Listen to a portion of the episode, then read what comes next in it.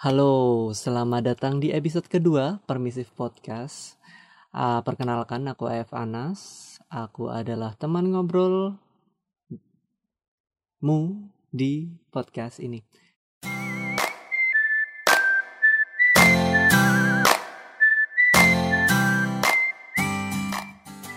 Harusnya podcast ini sudah terunggah minggu kemarin karena memang jadwalnya mingguan tapi karena satu dan lain hal um, akhirnya proses perekaman proses editing dan sebagainya aku baru mikir-mikir wah bisa aku handle nggak ya? Karena kebetulan minggu kemarin banyak banget namanya progress test dan aku kayak ragu-ragu ini bisa kelar nggak kalau aku garap minggu kemarin. Dan ternyata minggu ini pun juga tambah banyak progress testnya. Jadi aku mikirnya kalau aku nyari-nyari alasan terus karena progress test kapan ini bakal uh, teruploadnya. Padahal uh, janjiku adalah ini adalah weekly pro ini adalah week, weekly podcast.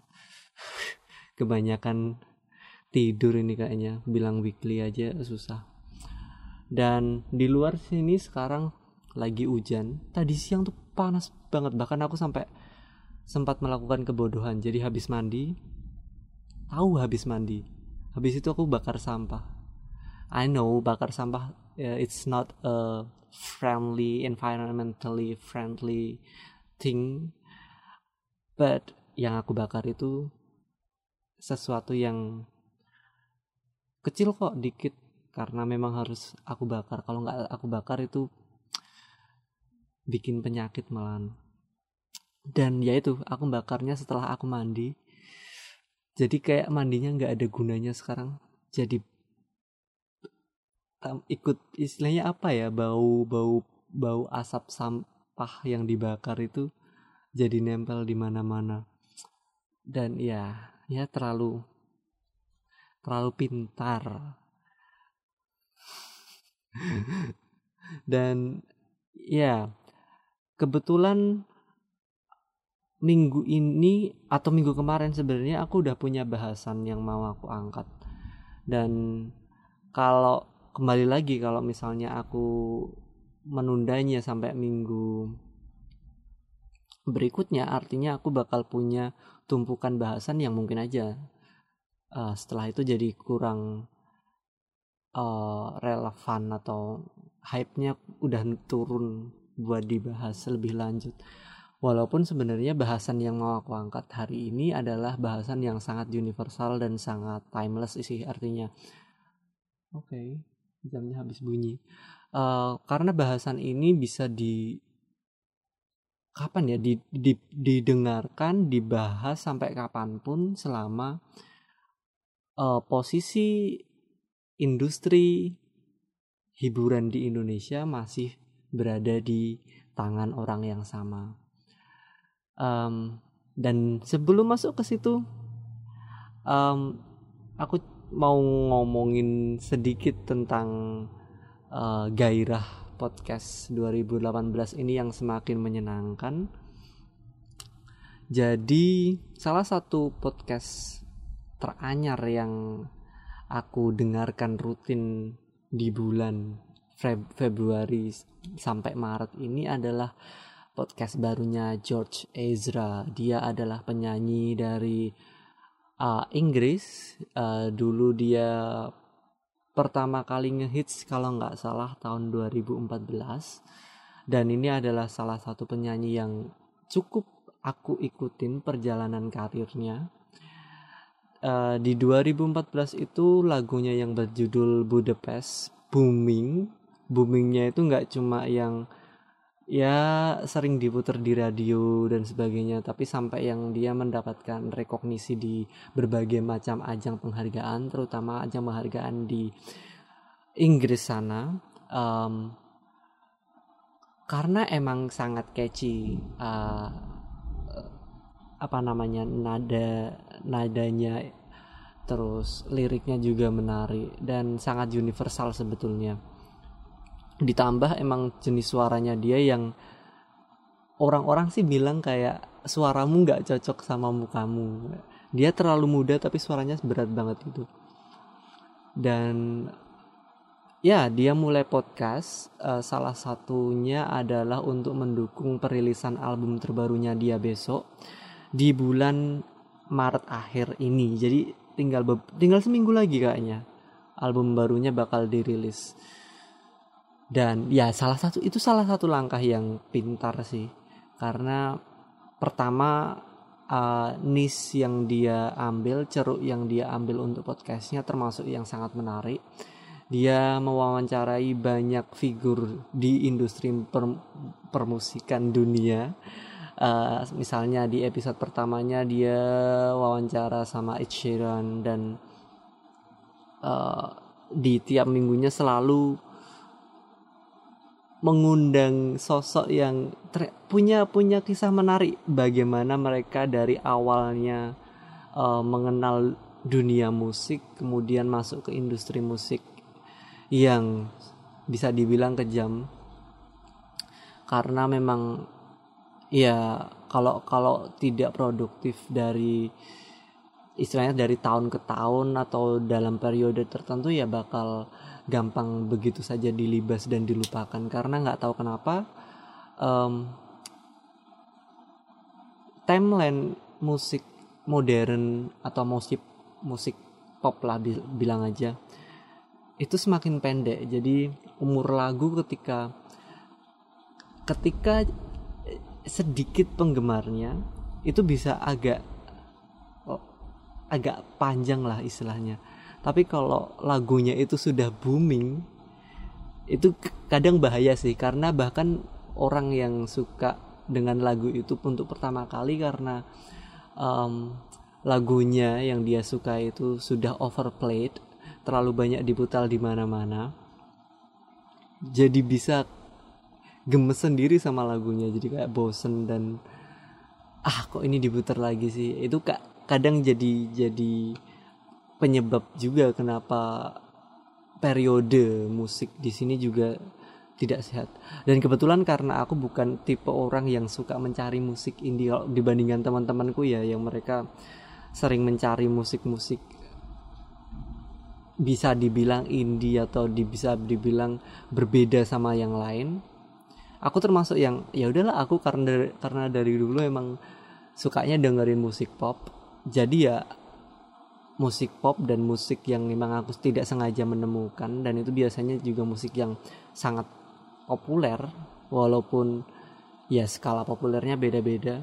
Tapi termasuk aku termasuk yang sangat populer seleranya dibandingkan teman-teman yang lain.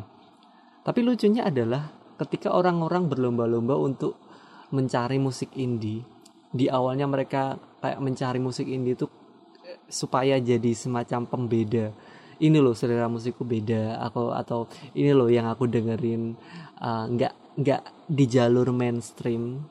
Tapi ternyata karena semua orang berpikiran seperti itu jadi di lingkungan terdekatku di inner circleku ya nggak inner juga sih di lingkaran pergaulanku itu mereka bisa dibilang malah seleranya jadi sangat mirip-mirip uh, indie sih sama indie. Tapi indie indie yang didengerin tuh sama semua. Jadi ya apa bedanya kalau indie uh, sudah mainstream dan yang musik yang memang intensi awalnya dibuat untuk menjadi mainstream ya itu bahasan yang menarik juga. Tapi kayaknya kalau ngomongin tentang musik aku jadi agak agak takut sebenarnya karena emang itu bukan ranah yang aku geluti selama ini. Ya aku dengerin sih sebagai pendengar musik tuh gimana. Tapi kalau untuk harus bilang dari histori dan sebagainya oh ini musik ini influence-nya dari ini ini ini aku merasa kayak ya aku tidak terlalu mendalami musik dibandingkan ada beberapa temanku yang dia memang bahasannya dari awal ketika ngobrol atau ngapain itu selalu tidak jauh-jauh dari musik. Dan that's fine karena tiap orang punya semacam ekspertisnya sendiri-sendiri punya keahliannya sendiri-sendiri punya pendalaman tentang bahasan yang pengen dibahas sendiri-sendiri. Misalnya aku suka ngomongin tentang film ya berbagai macam pendapat atau argumen yang akan aku ungkapkan tidak akan jauh-jauh dari film dan tayangan-tayangan audiovisual lainnya. Dan itu akan nyambung ke bahasan yang akan aku omongin hari ini. Bridgingnya lumayan halus walaupun panjang. Butuh waktu 10 menit sampai akhirnya sampai di bridging. Jadi sebenarnya bahasan kali ini adalah tentang oh bukan perselisihan sih kayak tapi tentang kontroversi tayangan televisi yang kebetulan kembali terangkat ke permukaan. Dan kali ini promotornya adalah para pem, pemain di hib, industri hiburan itu sendiri. Dan lebih spesifik ini menyangkut tentang industri hiburan di Indonesia. Kalau kalian mengikuti perkembangan yang terjadi seminggu terakhir paling enggak uh, harusnya sempat mendengar tentang kontroversi yang di yang diumbar oleh Deddy Corbuzier. Dia adalah mantan mentalis uh, dan sekarang menjadi host di acara talk show dan dia juga punya channel YouTube sendiri dan di channel YouTube-nya itu dia sering mengutarakan apa yang menjadi kerisauannya dia, apa yang pengen dia tunjukkan kepada masyarakat Indonesia dari perspektifnya dia sebagai seorang yang bisa dikatakan sudah cukup lama lah berkecimpung di dunia hiburan Indonesia. Dan minggu kemarin dia kembali mengungkapkan keprihatinannya dia tentang fenomena tayangan alay. Dia nyebutnya sebagai tayangan alay. Kalau aku menyebutnya sebagai tayangan yang hadir karena ratingnya yang dikeluarkan oleh Nielsen dianggap tinggi. Dan dari perspektifnya Dedi dan perspektifku mungkin agak beda ya nanti kayak level kepentingannya karena Dedi adalah dia adalah pekerja yang terlibat langsung dia kenal orang-orangnya dan ya dia tahu lah gimana industri hiburan di Indonesia yang terpusat ini yang terpusat di Jakarta yang Jakarta sentris ini berjalan. Dan sedangkan di sini posisiku adalah sebagai seorang sarjana ilmu komunikasi ya. Aku masih geli kalau ngomongin istilah sarjana.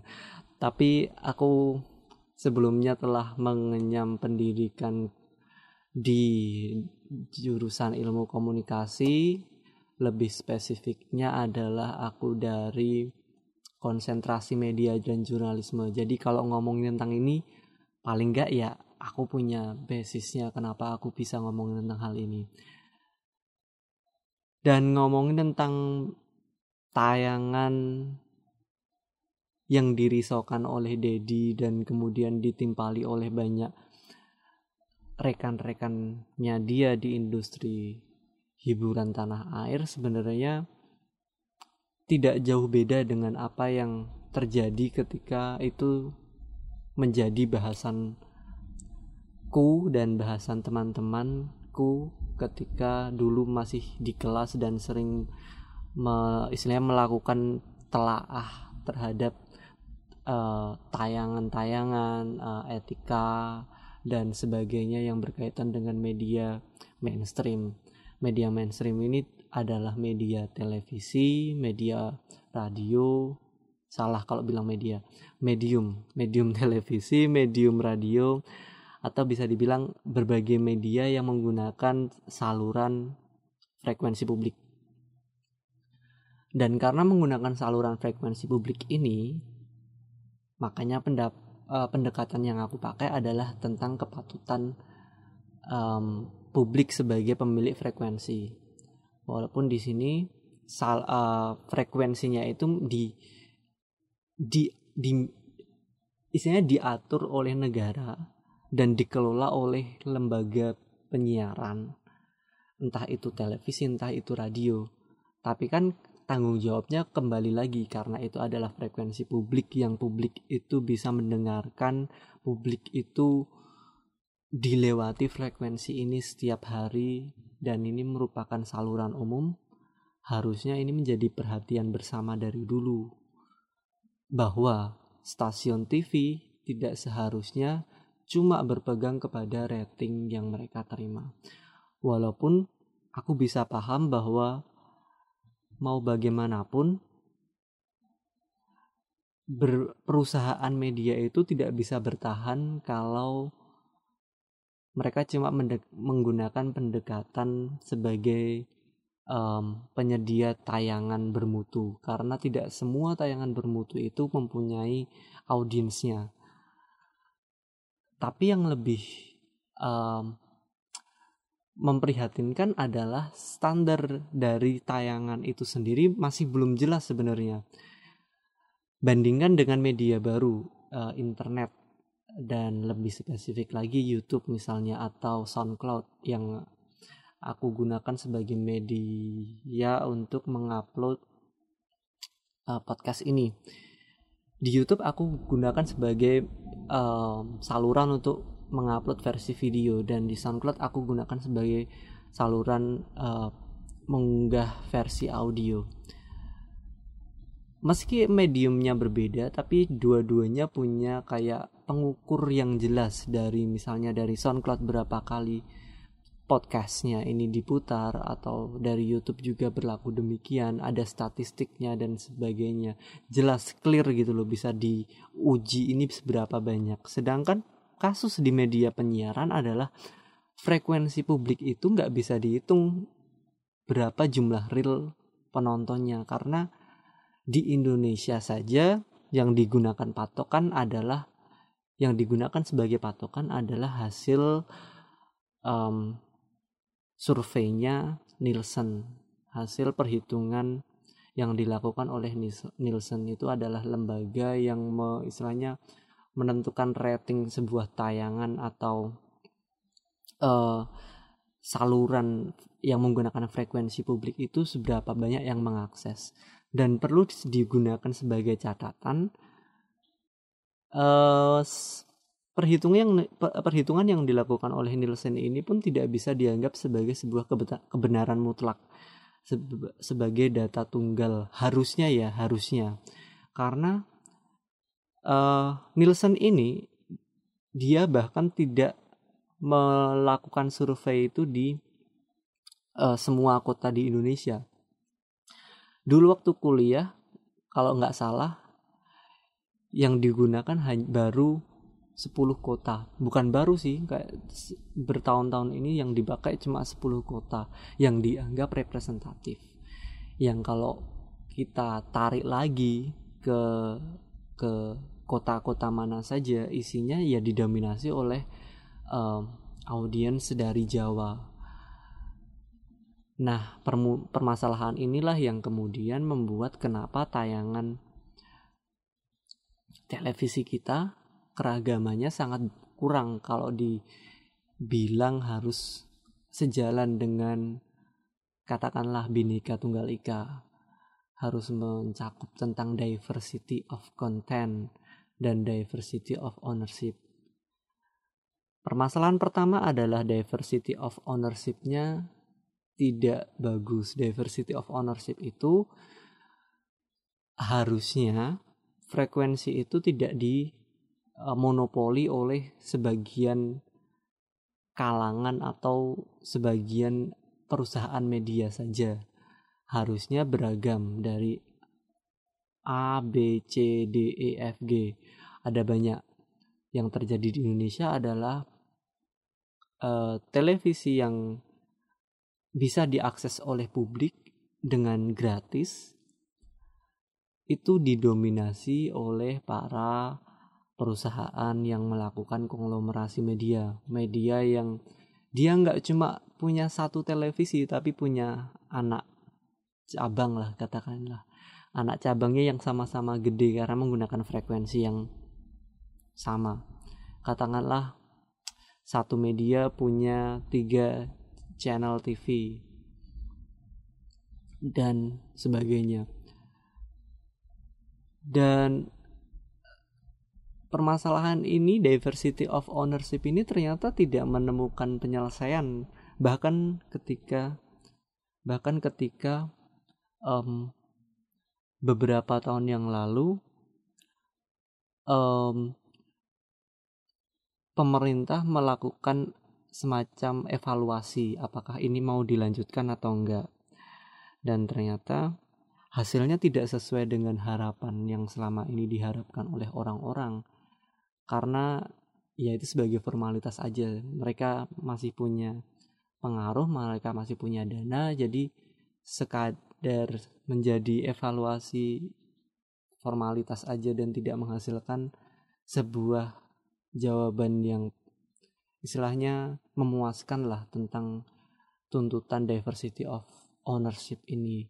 Dan karena diversity of ownershipnya ini sangat kurang dampaknya pula adalah di diversity of contentnya yang benar-benar tiarap. Bisa dibilang antar satu dan lain stasiun TV tidak banyak perbedaannya ketika satu punya tayangan alay yang satunya juga punya tayangan alay. Dan ketika dimiliki oleh satu istilahnya satu pemilik media yang sama umumnya tone-nya juga bakalan sama dan ini pula yang akhirnya menyebabkan kenapa tayangan di televisi kita tidak bisa berkembang kalau dibandingkan dengan tayangan televisi di negara lain. Jangankan sampai jauh-jauh ke istilahnya kita meniru cara Korea misalnya yang menggunakan budaya populer itu untuk me menyebarkan um, nilai budaya lokal mereka menjadi global di Indonesia masih jauh dari situ karena di sini yang digunakan sangat pragmatis. Jadi asal ada audiens yang dianggap menonton dan audiens itu diperoleh dari hasil surveinya Nielsen, maka acara itu akan terus didukung dan dilestarikan oleh pemilik medianya. Kompleks ya, karena memang kondisinya ini berhubungan sama apa ya istilahnya kepentingan bisnis bukan bukan murni karena kepentingan kreatif. Kalau bilang kepentingan kreatif doang medianya juga mereka mikir nggak bakalan hidup karena apalagi sekarang uh, mereka dihimpit oleh pergeseran dari media konvensional dari media penyiaran biasa kemudian mereka dituntut menjadi media penyiaran digital TV digital yang sampai sekarang perkembangannya masih sangat lambat dan belum lagi ditambah oleh konvergensi media yang mengarahkan media konvensional itu ke media online. Konvergensi media masih mending karena di situ ada campur tangan media konvensional berpindah atau bertransformasi ke media online. Yang lebih bahaya adalah mereka juga ditantang oleh fakta bahwa setiap orang sekarang bisa memiliki saluran untuk menyalurkan aspirasinya sendiri-sendiri lewat internet, baik itu YouTube, SoundCloud, Twitter, Facebook, Instagram, dan sebagainya. Asal semua orang punya audiens, maka pasar itu bisa diciptakan. Dan ini pula yang menyebabkan posisi media kita murat marit. Ketika ketika harusnya mereka berpikir oh pendekatan online itu ternyata berbeda. Yang mereka akan lakukan nggak gitu. Jadi saluran yang di tayangan yang ditayangkan di media konvensional akhirnya direkam dan diupload ulang di channel YouTube mereka. Jadinya semacam uh, audiens kita yang sebenarnya belum dewasa atau belum siap dengan istilahnya kehadiran internet, uh, terutama yang generasi tua, itu mereka semakin latah ketika menggunakan ini. Ketika YouTube dibikin tujuan awalnya dulu adalah punya tagline broadcast yourself. Sekarang nggak ada bedanya YouTube dengan TV jadi agak misleading kalau sekarang masih ada orang yang bilang membanggakan YouTube lebih dari TV karena kenyataannya di Indonesia dan di dunia dan ditunjukkan oleh YouTube Rewind pun didominasi oleh pemain-pemain televisi dan terkhusus untuk orang tua ketika mereka mengenal internet itu ya cuma sekedar browsing dan kadang menganggap semua in informasi itu merupakan kebenaran ya mereka misalnya ke YouTube yang dicari adalah tayangan televisi yang mereka lewatkan ketika misal hari itu mereka tidak menonton tayangan yang ya tiap hari disaksikan. Dan itu cukup bagi aku pribadi itu cukup bikin patah hati karena di awal wah ini dengan kehadiran banyak istilahnya digital native ada kemungkinan konten-konten semakin beragam. Dan bagaimana konten itu bisa beragam adalah ketika konten-konten yang punya keunikan masing-masing itu mau menemukan audiensnya sendiri-sendiri. Masalahnya di sini audiens yang diharapkan bisa bisa mendukung konten-konten itu tadi malah disedot kembali oleh channel-channel yang berasal dari televisi konvensional. Dan balik lagi, ketika Dedi mengucapkan bahwa tayangan ala ini kok semakin marak, ini karena ketika di televisi itu banyak yang nonton, dan kebetulan penonton juga nggak bisa komplain apa-apa karena selama ini KPI tegurannya nggak pernah yang benar-benar jahat gitu ya. Mungkin ada satu dua yang sampai dia harus mengganti nama bukan di tidak boleh tayang lagi dan akhirnya cuma ganti nama. Tapi lebih dari itu selama ini tegurannya lebih ke kayak kamu nggak boleh tayang beberapa hari atau kamu nggak boleh um, menyertakan si A si B si C di tayangan ini selama beberapa kali episode atau kalau yang di kasus Facebooker ini dia disuruh pindah jam tayangnya dari sore dipindah ke dini hari. That's about it.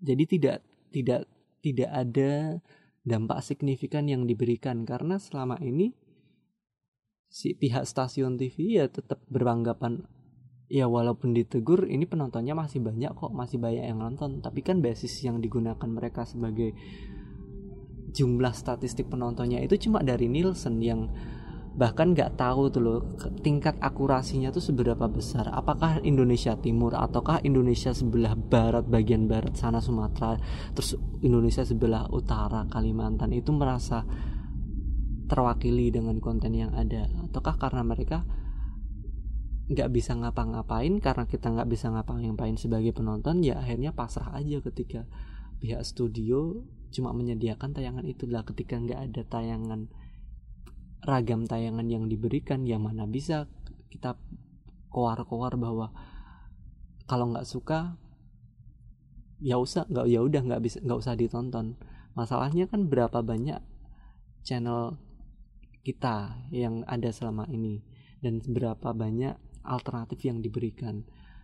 Artinya itu berlaku egois sih. Dulu memang bisa cara cara protesnya adalah dengan tidak menonton tayangan yang dianggap tidak berkualitas.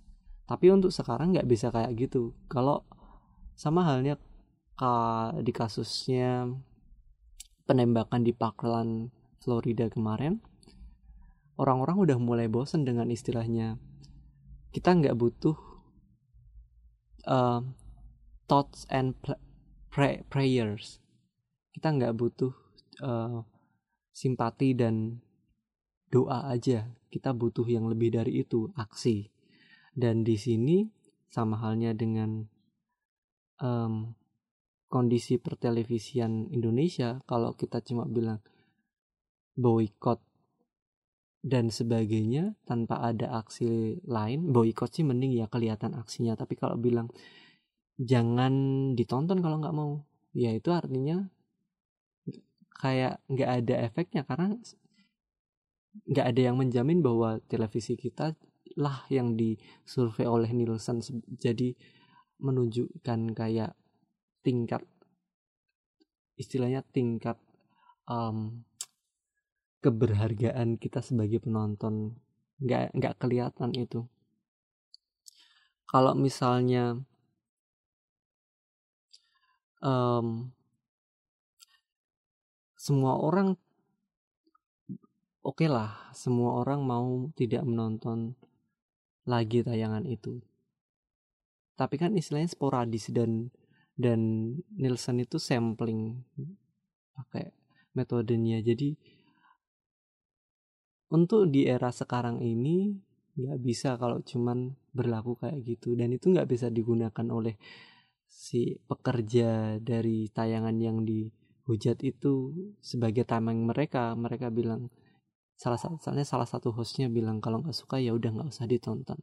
Ya kalau gitu berarti itu udah ke level ignorant dengan kondisi yang tayangan kita yang belum sta, istilahnya belum stabil atau belum dewasa. Kalau udah dewasa sih nggak apa-apa penontonnya udah dewasa tayangannya udah dewasa artinya nanti penonton bakalan menentukan mana yang bakal ditonton mana yang enggak sama kayaknya kalau kita nonton series misalnya kamu nonton series ada series yang umurnya panjang banget yang dia seasonnya selalu di dapat uh, renewal tiap um, musim. Ada series yang baru satu season di cancel ada yang udah baru tiga season masih nanggung banget itu di cancel di season keempatnya. Itu artinya penontonnya sudah cukup dewasa walaupun kriteria penonton dewasa itu pun variabelnya juga banyak banget tergantung usia, tergantung pekerjaan, tergantung tingkat pendidikan dan sebagainya. Dan yang aku suka dari fenomena um, tayangan uh, alay yang dibilang ini adalah protes ini akhirnya keluar dari mulut seorang Deddy Corbuzier. Dia orang yang memang dari internal dari dalam industri itu sendiri. Karena selama ini kalau kita cuma keluar-keluar dari istilahnya dari sisi aku sebagai pengamat doang ya aku tidak punya kuasa apa-apa. Karena aku tidak mempunyai saham di pertelevisian mereka aku tidak memberikan gaji kepada mereka. Tapi jelas sebagai konsumen aku merasa dirugikan. Pertama sebagai konsumen merasa dirugikan kedua sebagai pengamat media aku merasa dirugikan juga. Karena Artinya mereka mengkhianati amanat yang udah diberikan oleh publik yang meng mereka mengharapkan adanya, adanya keberagaman tontonan itu. Dan kalau ada yang bilang, ah publik nggak publik nggak minta keberagaman tontonan kah? Ah kok salah kan? Ah publik nggak berharap uh, keberagaman tontonan kok? Ya karena selama ini mereka tidak pernah kamu berikan hal itu, jadi nggak bisa nggak bisa kamu langsung mengklaim bahwa mereka nggak butuh tontonan itu. Karena selama ini opsinya juga itu itu aja sangat monoton. Bahkan dibandingkan dengan 10 tahun yang lalu kerasa banget gimana penurunan antara kualitas dan keberagaman itu berdampak luas. Waktu aku ngerjain skripsi di tahun kemarin di awal hmm, oh ya awal tahun kemarin aku sempat mampir ke perpus yang aku jarang banget mampir ke perpus. Aku ke perpus cuma pengen lihat skripsi yang dulu-dulu tuh gimana. Ada yang ngangkat tentang berbagai macam tayangan televisi dan jenisnya beragam banget. Mulai dari yang meneliti tentang dulu yang LSF belum seagresif ini ada yang meneliti tentang uh, berbagai macam tayangan yang istilahnya nggak terlalu banyak dikekang lah sejauh ini dan dan lagi pihak televisinya juga nggak terlalu takut untuk bereksperimen mana yang mau dibikin mana yang enggak buktinya dulu yang tentang Bang Napi dan sebagainya itu sampai dibikin um, program sendiri. Jadi itu kayak ya ada ada opsi banyak di situ ketika kita ngomongin berita ya nggak semuanya ngomongin tentang berita yang sama cuma beda channel doang dan beda host doang. Tapi angle-nya tuh bisa sangat beragam dan itu baru akan bisa tercapai entah kapan kalau dari audiensnya udah dewasa dari pekerja seninya udah dewasa kalau mas kalau mereka masih layak disebut sebagai pekerja seni dan dari pihak medianya juga sudah dewasa. Artinya mereka bisa menghargai diri mereka sendiri mereka punya um, semacam harga diri lah. Mereka lah kalau menayangkan tayangan yang kayak gini tuh masih punya muka nggak sih? Dan lagi apakah mereka masih punya um, hasrat untuk menunaikan tugasnya kepada penontonnya mereka. Jadi kalau itu sudah balance, kalau itu sudah seimbang dan kalau itu sudah berjalan dengan baik, harusnya tidak perlu lagi ada kuar-kuar yang sampai bikin gaduh belakangan ini.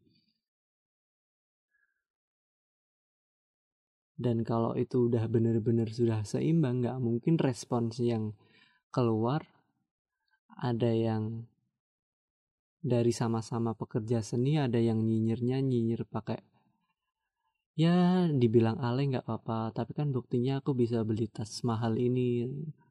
Karena seni itu nggak selama selamanya berhubungan dengan materi yang diterima.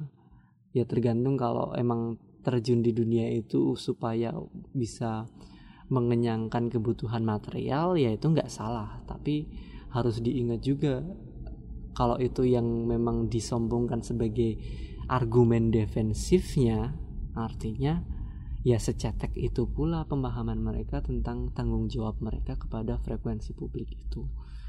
Oke. Kurang lebih itu yang pengen aku sampaikan hari ini di episode kedua ini dengan ambience yang cukup lebih mengerikan dari episode sebelumnya. Kayaknya tadi hujannya dari yang gerimis terus sampai lumayan deras ditambah deru pesawat dan sebagainya. Maafkan ya. Tapi semakin hari semakin itu kok semakin berbenah supaya kualitasnya bisa semakin baik dan terima kasih sudah mendengarkan episode kedua dari podcast permisif ini. Kalau punya saran bahasan lain atau pengen tanya atau pengen mengusulkan berbagai macam hal yang semoga aku bisa memberikan perspektifku kepada kalian.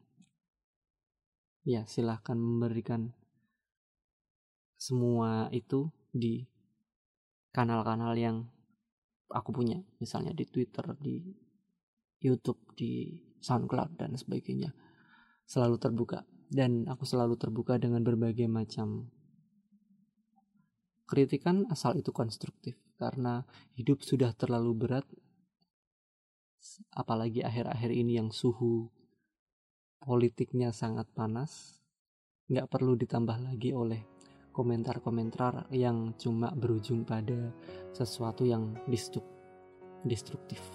Nggak ada gunanya. Jadi kalau konstruktif I will accept it and I will appreciate it so much.